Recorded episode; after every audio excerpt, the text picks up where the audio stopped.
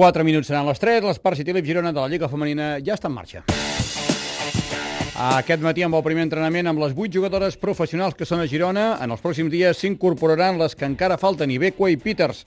Les sessions preparatòries les dirigeix el nou entrenador, Eric Surís, que debutarà a la banqueta de l'Espart City Lip Girona.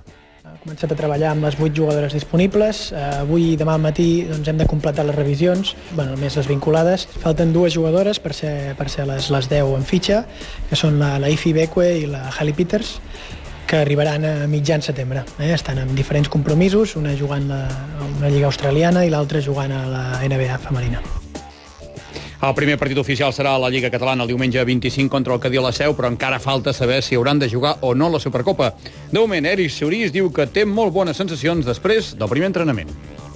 Sensacions molt bones. Eh, primera perquè l'equip doncs, eh, s'ha aconseguit, a banda de les tres renovacions, s'ha aconseguit incorporar set jugadores joves, amb molt talent, moltes elles molt versàtils, molt polivalents. Això ens permetrà una gran riquesa de variants tàctiques i alhora doncs, també aquesta joventut de, de, de la majoria, aquesta mitjana tan, tan, tan jove que tindrem d'edat, també serà una mica indicativa de, de la gana que tindrà aquest equip. No? Tenim, tindrem moltes ganes i això amb il·lusió i amb treball eh, ningú ens podrà guanyar. L'Uni Girona ha presentat avui la campanya de Bonet sota el lema Et posem vermell perquè aquest color s'incorpora tant al nou logotip com a les noves samarretes que avui també s'han fet públiques. L'objectiu és superar la xifra dels 1.000 abonats.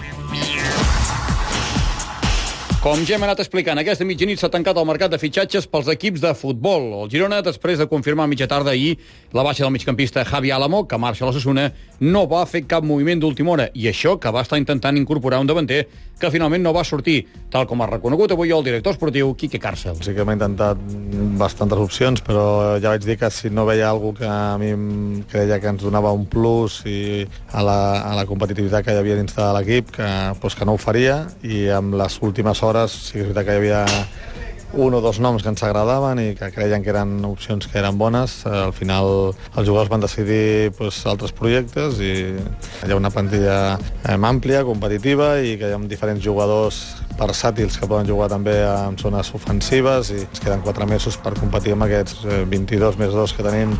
No, el Girona s'ha quedat amb aquesta plantilla de 24 jugadors, dos dels quals, com acaba de dir Quique Cárcel, Richie i Mas han estat lesionats de llarga durada. Cárcel reconeix que la marxa de Javi Álamo ha alleugerit també el límit salarial que estava a punt de complir-se i ara tenen marge per poder fitxar més. Jo ho vaig dir des del minut 1 que Javi Alamo volia que continués, és un jugador que jo crec que, que pot donar molt de rendiment, el que passa que sí que és veritat que ha sigut el jugador des del minut 1 que ens ha dit que, que volia marxar, sí que creia que érem, tenim un overbooking jugadors per banda i, i per això sí que és veritat que, que al final que hagi sortit pues sí que crec que alivia una miqueta tot no? a nivell de, de competència i també a nivell econòmic, que, que no ens oblidem, però que al final nos tenim uns límits salarials i tenim que complir i, i realment eh, hem firmat molt i, i és un límit salarial que, que anava molt, molt, molt justet. Avui s'han fet públics els horaris de la sisena jornada de la Lliga de la segona divisió A, la primera entre setmana, amb el Girona Mirandés dijous 22 d'aquest mes de setembre a les 8 del vespre. Un apunt de tenis taula, perquè la gironina del Calella, Sofia Zhang, ha entrat a la convocatòria de la selecció espanyola absoluta que ha de disputar el Campionat d'Europa que del 18 al 23 d'octubre es farà a Budapest i Hongria.